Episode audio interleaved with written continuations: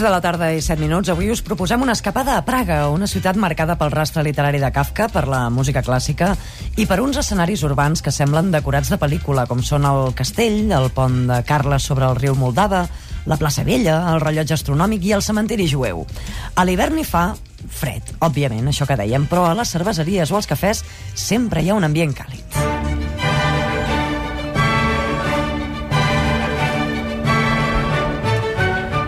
I Xavier Moret, quan els oients han sentit que parlaríem de Praga, ens han començat a arribar missatges a través de, del xat. Ens diu la Marta que és el viatge que té pendent amb el seu company i que esperen anar-hi per Setmana Santa. És bona època Setmana Santa per sí, anar-hi? Sí, probablement és millor que ara. Val la pena parlar-ne ara, però per anar-ho preparant, perquè hi fa fred a Praga, no ens enganyem. Ara, és una ciutat, com deia abans, que és càlida, perquè hi ha cafeteries, hi ha cerveseries, hi ha un rastre literari, hi ha moltes coses interiors per veure. Llavors una ciutat que encara que faci fred vas entrant a dintre dels llocs i et va passant la mar de bé perquè és preciosa. És la capital de la República Txeca.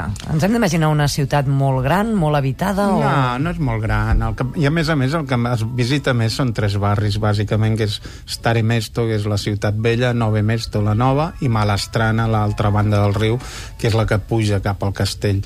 Llavors, si et concentres aquí i afegeixes Josefov, que és on hi ha el cementiri jueu, les sinagogues i tot això, uh -huh. ho pots fer tot a peu perfectament i no et canses. Quantes vegades hi has estat, tu? Perquè n'estàs parlant de memòria. Sí, he estat unes quantes vegades. Ell té aquí un plànol de la ciutat, té uns papers, però no està mirant res de res. No, no cal, perquè hi vaig ser per primera vegada als anys 80, quan encara era comunista, i me'n van expulsar per intentar entrevistar dissidents. I llavors hi vaig tornar unes quantes vegades, l'última l'any passat, perquè m'agrada força Praga i, i m'ho vaig trobar totalment canviat, clar, perquè ara hi ha McDonald's a cada cantonada, hi ha Zares, hi ha botigues, han pintat les façanes de color. Si ho compares amb com eren als anys 80, que tot era gris i a les botigues hi havia un producte de cada cosa, molt típic del comunisme, llavors ha fet un canvi radical. S'ha posat molt maca Praga i cada vegada ho és més. És una ciutat museu.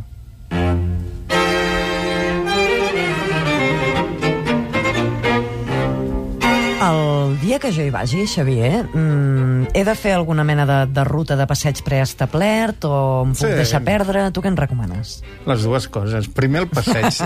Primer fem els deures, o sigui, fas el passeig eh, preestablert, que comença a la plaça de la Ciutat Vella, que és preciosa, molt gran i regular.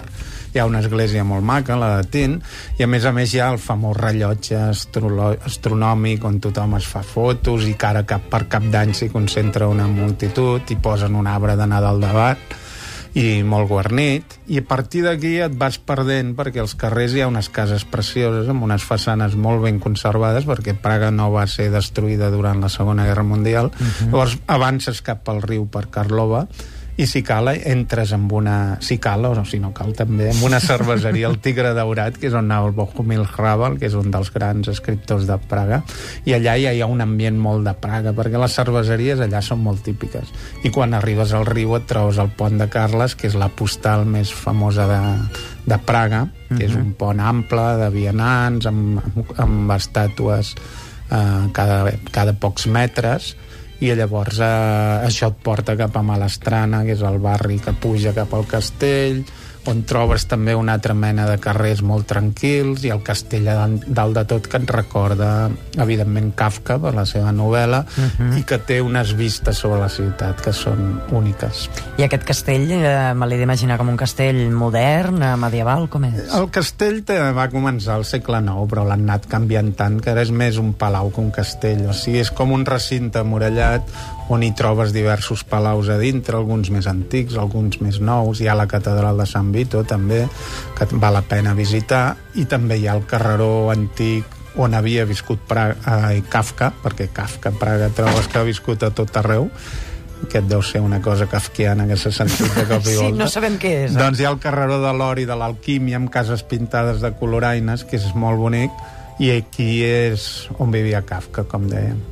El cementiri jueu m'han dit que també té una El visita. cementiri jueu és per mi el més impressionant de Praga. O sigui, la plaça Vella i el pont i el castell ja són una nota alta, però el cementiri jueu eh, és allò que et commou, perquè són 12.000 làpides apilonades amb diverses, amb diverses uh, piles de, de làpides de diver, diversos segles, des del 14 fins al 18, uh -huh. i han anat acumulant làpides de, de jueus que s'han mort allà, i com que més era l'antic gueto jueu i està voltat de sinagogues, trobes com una densitat que no hi ha enlloc més al món, jo crec.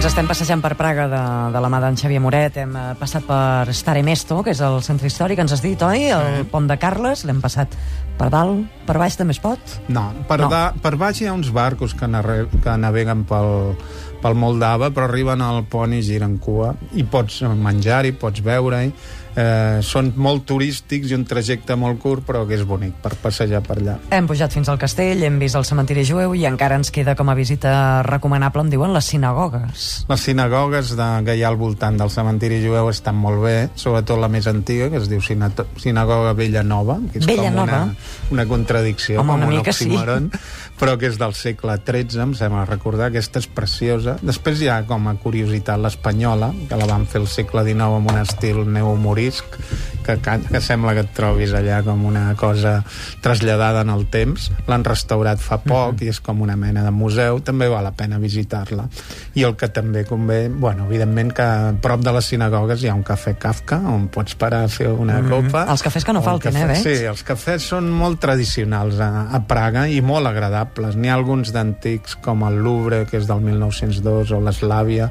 on anava el Premi Nobel el Jaroslav Seifert uh -huh. que són d'una qualitat increïble. I també hi ha el Gran Cafè Orient, que està en un edifici cubista prop de la, de la plaça Vella, que també val la pena pujar-hi, perquè està en un primer pis i, i té una decoració preciosa. Ja ens has dit que l'hivern hi fa fred, per tant, eh, tots els que estem així, com, com ara jo, mig engripats, a punt de caure, no caure més val que no hi anem, Setmana Santa potser és el millor no. moment. Sí, esperem una mica. Però... I si de casa envoltats amb unes grans bufandes, eh, eh, és car anar a Praga? No, no és molt car.